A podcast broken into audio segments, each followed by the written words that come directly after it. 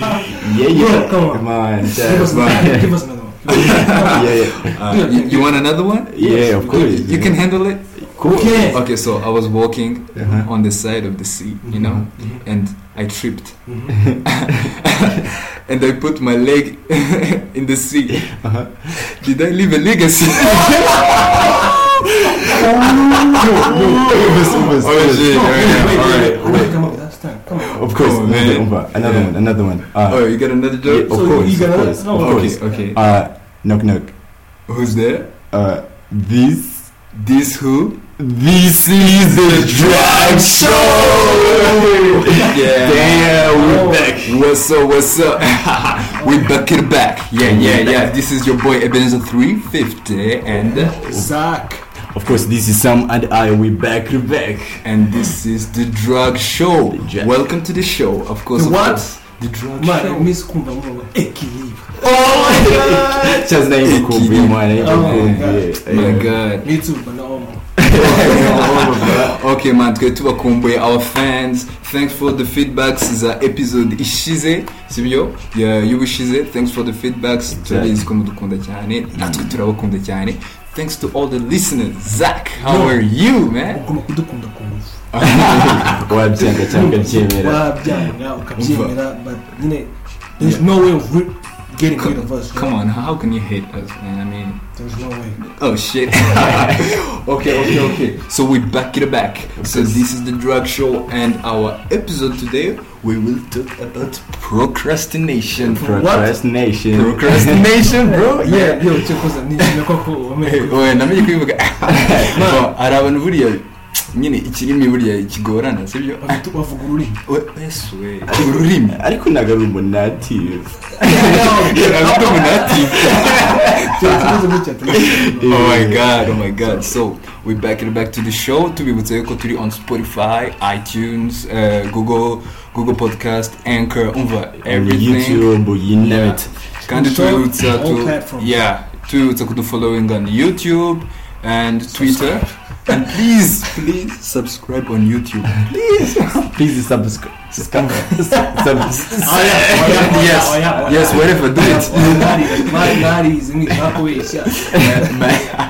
so so so okay okay. So kuri uyu munsi kuri iyi podcast y'uyu munsi ko dukomeza kubashimira ko mwakanze kuri link turabizi ntabwo ari ibintu byaba byoroshye. Cyane biba biciye kure ariko kuba wahageze thank you very much. Kuba wahageze uyu munsi we're gonna talk about uh, many stuffs of course the topic of today are procrastination. Turababwira icyo ari cyo uko umva uko bimeze we will talk about it don't worry. Sibyo? And we will talk about the facts. Turabaha ama facts yo. Sibyo? And of course we we are going to recommend you some musics. And Sam and I will give you the story, Story of, of the, the day. can't wait to hear it man. Oh, oh, me too, me too, yeah me I too. So, wait too so please, so please, please, please keep up until the ending of this podcast. get a surprise Yeah, yeah, yeah. yeah we do Yeah, yeah, yeah, Monsieur Isaac. Okay, so Isaac, you you are practically the genius among us. no uh, of course no, come on. yeah, now I'm here, that's yeah, Yeah, man. come on, that's- Run it inside Yeah, yeah, yeah. Yo, so so this man over here, sibyo ubundi eh, nifuzaga yuko ari wowe udutangiza aka aka gatopic sibyo ukatwinjizamo sibyo? Utubwira what is procrastination? Definition dukuye muri oxford. Dictionary. What it is. okay zach. Procrastination? Mm. um, well reka- mbaye like ukuntu ukuntu ubundi uh, bigomba kumvikana aha Mm. so like procrastination abantu people like value short term rewards urumva Mm. instead value aha yeah. Short term rewards. Okay. Urumva Mhm. instead of long term benefits. Eh, so like abantu bakunda Mm. gukora ikintu gikorera imbere yabo. Mm. exactly. Kuruta uko wakora cya kintu kizaba benefiting for a long period of time. Oh man i feel bag- bagakomeza bapusira ngo man i still have time I still have time iyo n'ejo ni umunsi yani ngo ngo n'ejo man this is so me my god no this is all of us oh but this is all of us Go, why do you have to do it when you still got time Yeah, ndabikorera iki kandi umva hasigara nk'iminota nka mirongo itatu ngo ngo ukibazwe Mm. bro bro you wrap up it very fast umva naho ngaho uzabona uburyo umuntu umuntu ashobora kwiruka aho ngaho ubundi ni we ubona kapasite y'umuntu. Sibyo ubwonko bw'umuntu ukuntu burenze. Ushobora gukora work wagomba gukora like for two weeks. In just two hours. Ariko nanjye bijya bimbaho nanjye bijya bimbaho ariko gutya muri university nyine umuntu aba afite projet nyinshi zo gukora Eh, none hari igihe uri gukora nk'aga projet ugaherera nka mu gitondo uvuga ati n'umunsi ndakarangiza. Eh. wenda ukaba ufite nka deadline ya 11:59 abantu Eh. biga college 11:59 you know what I mean. 11:59 bro. Noneho gutya nyine ubona ah, byagera nko mu ma saa munani cyangwa saa cyenda ujya kumva ah, inshuti zawe ziraguhamagaye avuga ati bro dufite dufite agapati hano twakoresha agapati nta kuntu waza wihuta. Then you know we have everything everyone is here can you just come over and just Eh. sibundi Ase, ukigenda. ndabura utuntu dukeya kuba mubeza bro ugahita wigendera nyine ukagaruka uragagasaka bro you walk like a dog bro ubona 11:59 ubona deadline itazagera mano Man, I still got time. tunota uzi kariya kanota kamwe bakuraho bro Man, icyakora reka aba- listeners bacu tu- tubabwire yuko actually ni ibintu biri normal niba ubikora rwose don't get hard on yourself. There, it's Exactly. normal things. But don't get too comfortable. What? Wikwisanzura cyane nawe ntugakabye okay okay Zach Mhm. so So, mhm. uh, advice. Twabaha Mm. tuba kuri ino topic ko ntabwo yabonye ko topic muremure ko ni ibintu bizwi bikorwa na benshi. Exactly. Eh, so uko mbyumva ubaye uh, wiha nubwo twese bitugora mm. nubwo tubikora iki gitondo ushobora kuba ku munsi nza- nzaba nacinga iki? Ngiki exactly. Yeah. wenda habaho ikintu cyangwa kitabaye. Nyine nacinga iki. Ngiki ukikora nyine like maybe a timetable. Yeah exactly nka timetable. Uga- kandi ikindi ntiwibagirwe gusetinga like uh, time Time. ugomba kubikorera. Exactly. Yeah. Birafasha ubundi ubundi procrastination sibyo? Cyangwa twabyita gute? Gusunika. Gusunika. Gusunika ibintu. Yes. Akenshi reka reka tu- tugarukeho gato ku bintu bi- bitera ibyo bintu. Ubundi mu- mu- mubona biterwa n'ikimana nkawe wowe byakubayeho. Ubona ni iki? Ni ubwoba. Oya icya mbere icya mbere like Mm. uh, njye mbona ari distractions cyangwa se kuta prioritizing ibintu. Hari igihe uhereza ibintu bidafite agaciro akaba ibintu bidafite agaciro akaba ari byo uhereza agaciro kurusha bya bindi bifite agaciro. Sometimes usanga abantu bakunda ibintu biri uh, somehow fun than Mhm. important. Ah, nka gutyo yeah. ukumva i was doing a project which was important. Yeah. Exactly, short term rewards, Ndikwigira- my ndikwigira ku kadeni uri kumva uko nimba ariko nzishyura menshi ariko umuntu arampamagaye just for the party i'm just going there and drink and dance and come back home. Nta nyungu bimfitiye ntaki Yeah. you see? So is Well, a distraction. bigufitiye inyungu it's not the right time. It's not the right time you see? Wafashe ibintu bi- bifite eh, agaciro cyangwa se byangombwa aba ari byo ushyira hasi. So ni cyo abantu benshi bagomba no kwi- no kwigiraho prioritize nyine your your your tasks. Urebe yeah that's what I say bro. Depends bitewe n'ahantu waturutse nyine just say pro. Exactly. What's Yeah. it? It is pile, man. It's not pro. so abantu rero bagomba kwiga nyine guhere eh, David twese yaducumbikiye.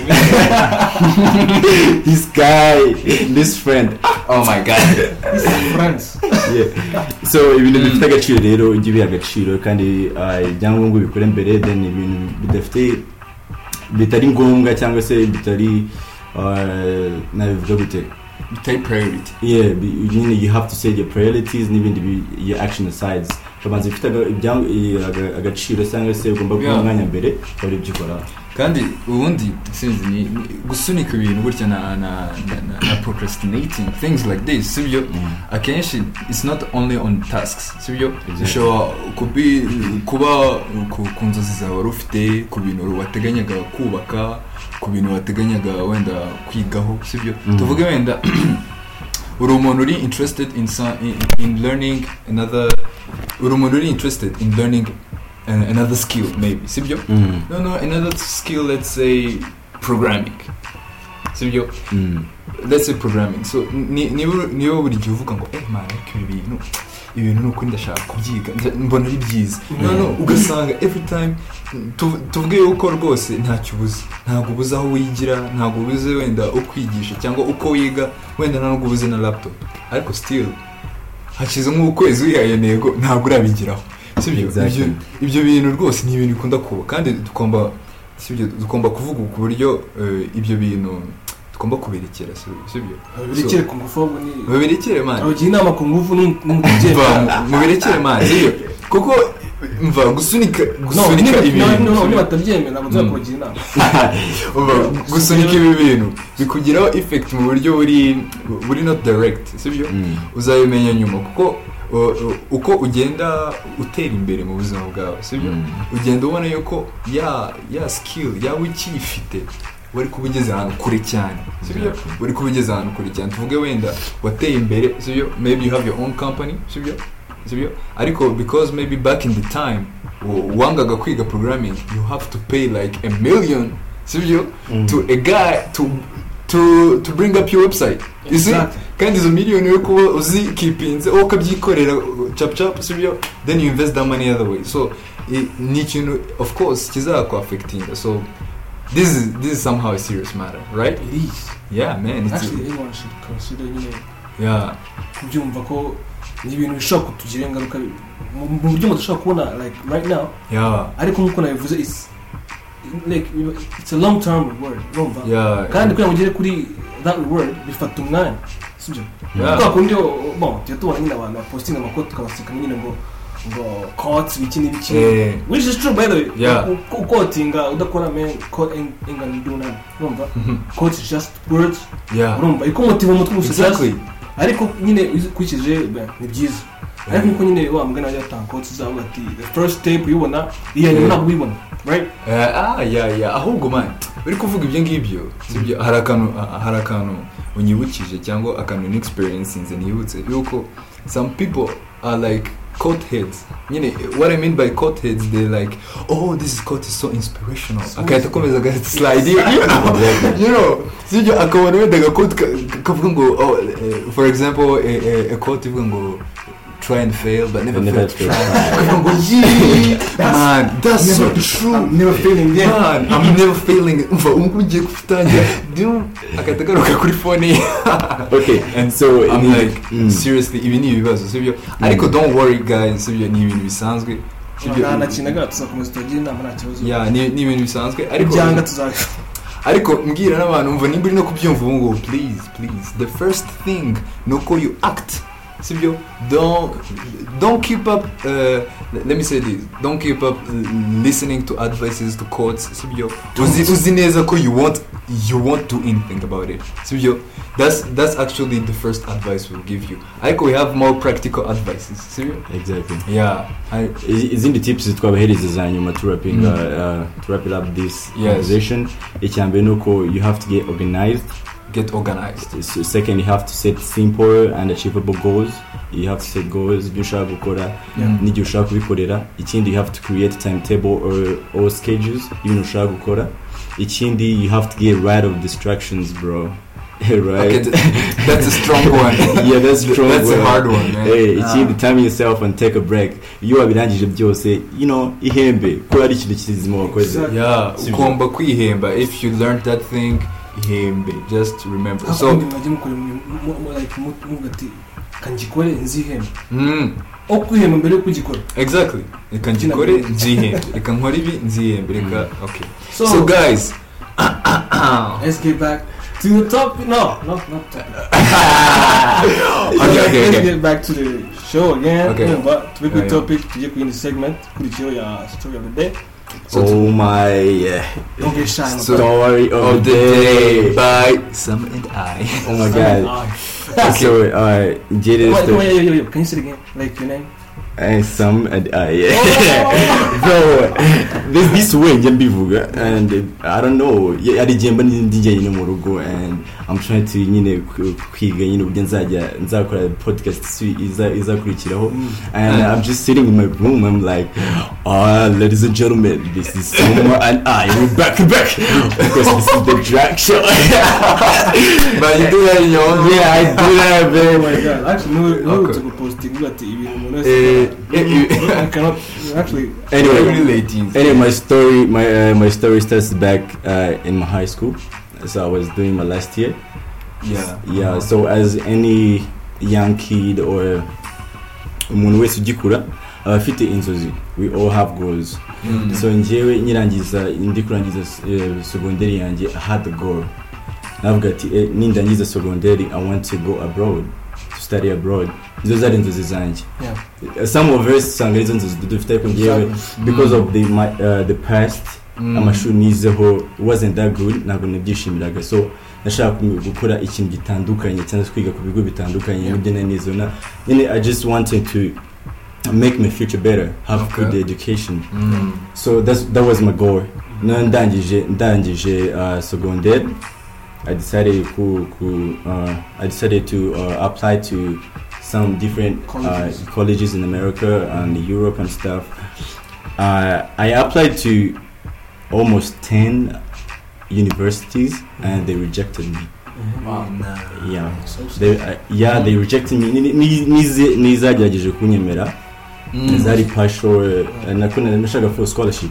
Because my parents they weren't able to pay the tuition.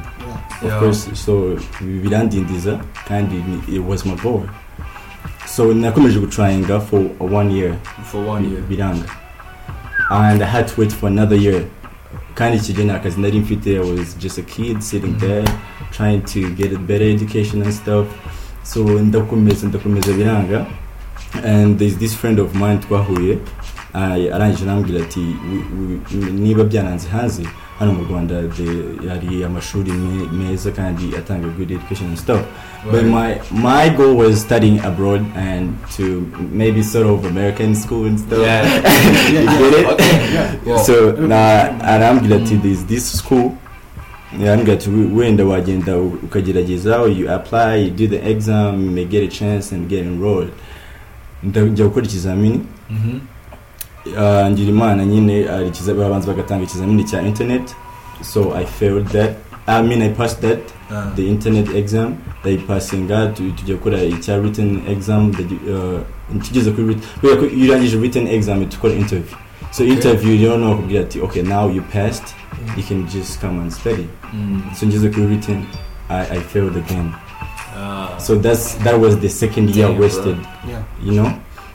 And nyine umuryango umuryango akambwira why washatse handi wige niba byanze n'ibiki n'ibiki but I didn't want to give up on my goal Yeah. And so I remember this teacher watwigishaga uh, muri primary uh, he used to say the, the quote that he mentioned you know try and fail but never fail to try Yeah. okay. so I had to try my best kugeza handi numva ko nanjye wana ko byanze Mm. so bro I failed again bro Really? so I had to, to wait for the Really? third Okay, year okay, let's recap. You just failed 12 times. 12 times Damn, bro. So this time I Okay. was I was kind of depressed. I just agree at level where I could just go in my Oh, room yeah. and sit and cry because I, I started thinking that I wasn't, you know, good enough. I wasn't Yeah. wise. You know, when you're depressed, all those feelings and stuff. Yeah, I'll get you. So I felt so bad. I felt so bad. Uh, handi numvise nyine I gave up on everything. Ndavuga ati okay, I should find something else to do. You know. okay. ndavuga ati wenda najya gushaka akazi nyine nkakora uh, Mm. but that wasn't my goal so i had to wait kugira ngo bongere kubera ko eh, iki kigo buri eh, every year they enroll students Oh, yeah. so i had to wait for uh, another year. yeah Okay. so this time for god's sake i passed oh Oh, sh- Guess man I feel like you're the main actor of this Guess what? my God. guess Oh what God. it was american school despite the my it was the American Yeah. school. It was the American. That's what I wanted. Yo, the, the main point. The Yeah. main point. We now.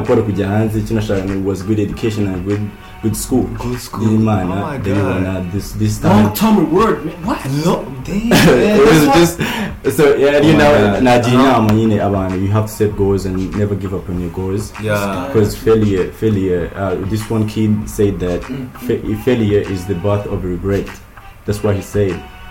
Failure is. is the birth of regret. So I don't want to anyone who is listening to this podcast, you know, I don't want you to regret. If you want to do something, go for it.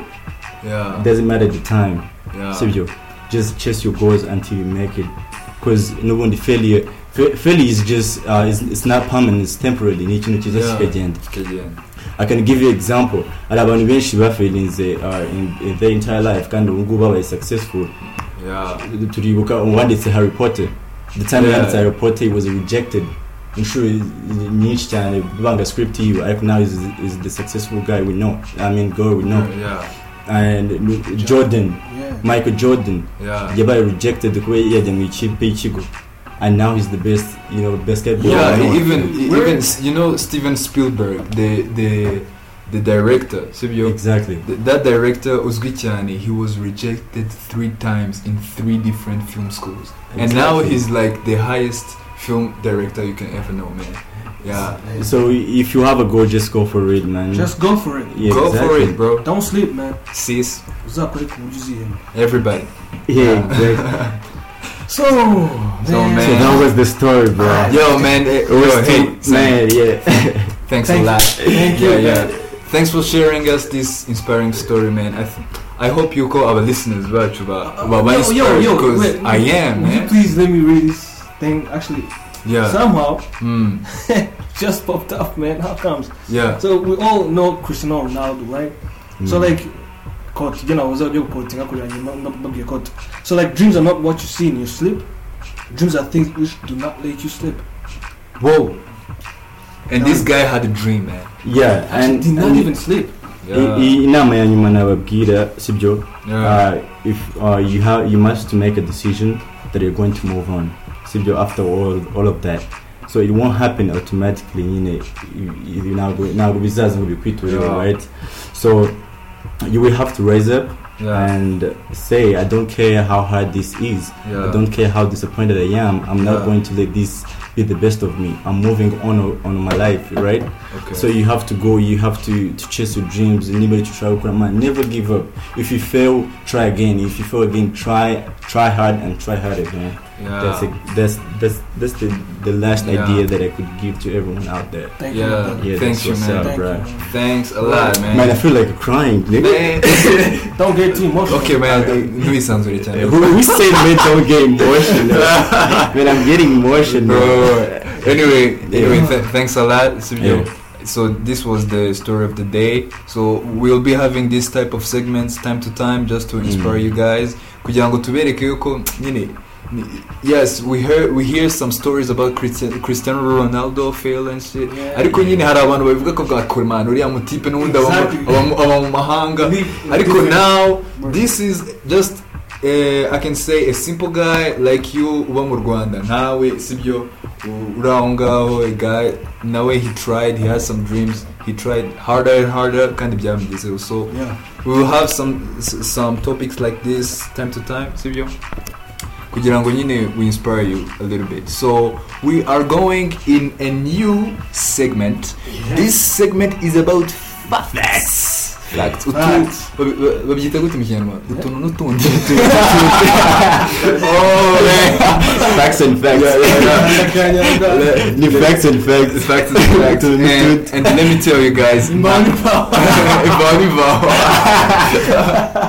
over over ubu tugiye muri segment ya facts utuntu tundi kandi nta muntu wababwira facts neza nka Mr. Zach Oh, no, ivuga, man, ivuga, ivuga. Zach Zach Me. okay okay okay. Uh, yeah yeah. Numiwe nanjye reka urabeshya numiwe Mm. So, uh, hano nagiye nsoma ibintu mhm ni ibintu bitangaje okay biratangaje mm. Ariko n'igihe se ari igihe ushobora kwicara Eh. ugatekereza ikintu it's unbelievable ntabwo byumvikana ukuntu kigucaho utabitekereje kandi wabonye ko wabitekereje right? Mm. yeah. Eh bimbaho cyane pe. Cyane? Ah. Reka mabwire rero. Agira inkuru utwo tuntu tumesha eh. Reka mpere ku kantu kari kari so sinavuga eh. Biratangaje so Mm. like twe tuzi ko yes. Mm. number one. Number one. Eh. So like tu- tuba ko nyine we, have farms. Nyine we plant plants you know Mm.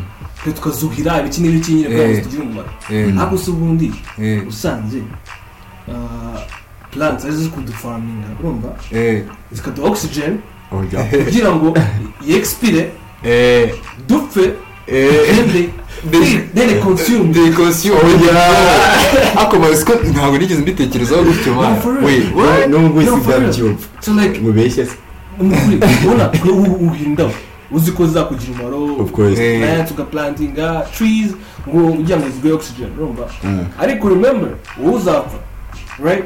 Cyazi U- u- like oxygen is, is, uh, uh, is uh, expired and you die. And they will consume you kuko bazagusha eh right? yeah bazahita bagushyira mu ubafumbi give us another one give us another one. Another one, another one. So yeah like, yeah number uh, two. Okay this was the heroin ntabwo mubu. Ntabwo mubu cyane kabisa. Cyaze man ndabeshye wowe ukunda Ah, gafite ukuntu katwihira eh. Anyway what is that? Okay. Anyway get, get to the point man. Eh. iva iva iyo uvuga ngo ngo umuhungu ndagukunda ngo urukuririmbira. Ariko wallahi. it will take yego. Yafata imibu miliyoni imwe n'ibihumbi- na- na- na- n'ibihumbi magana abiri. Kugira ngo zidraining umwe nako zidraining umuntu eh zikora mu maraso yose like. Miliyoni imwe? Eh, miliyoni imwe n'ibihumbi magana abiri. Yes. Eh, eh, icyarimwe ariko. Ya ya. So like nyine ubwo ubwo abatwumva mwibuke gufunga amadirishya saa kumi n'ebyiri. Sibyo kuryama mu- munsi ya musitikeri sibyo no gutema ibihuru bikikije urugo rwacu bikikije urugo rwacu man we are laughing at this. I this is serious yo. Twarabikoze witwishinga man. Njye kubikora anyway So, yeah uh, next fact. Another fact. Ni uko the spanish national anthem nta words just oh yeah.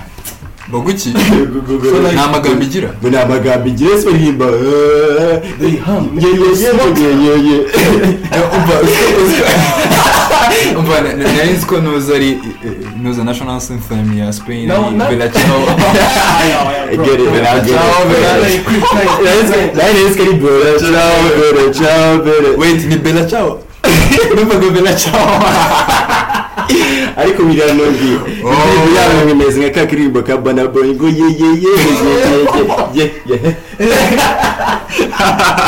so uh, Okay, let's okay. back to another fact. So So, so the so- spain the- so the Nah, spanish people were nah, like words. they hum Mhm, okay So, okay. like- oh damn. Yes, thing, next no, thing. so like we all know ko USA is a more black president. Mm, right? Yeah. Mm. how do you end it? Black Barack Obama. iyo iyo iyo Barack Obama aza kuba perezida wa Kenya. Yari kuba the first white president in Kenya. What? No come on. He was mixed man. He was mixed. Ariko nyine afite umubyeyi w'umu- w'umu white right? Which makes him white. Which makes him white in africa. Exactly. Oh okay. Yeah. So another thing. Yeah yeah. The- the less the gays. Yeah. So like when you say forward Mhm. forward yeah the word forward or back mm. your lips move in the same direction forward back forward I bet back. our listeners are doing. You look stupid.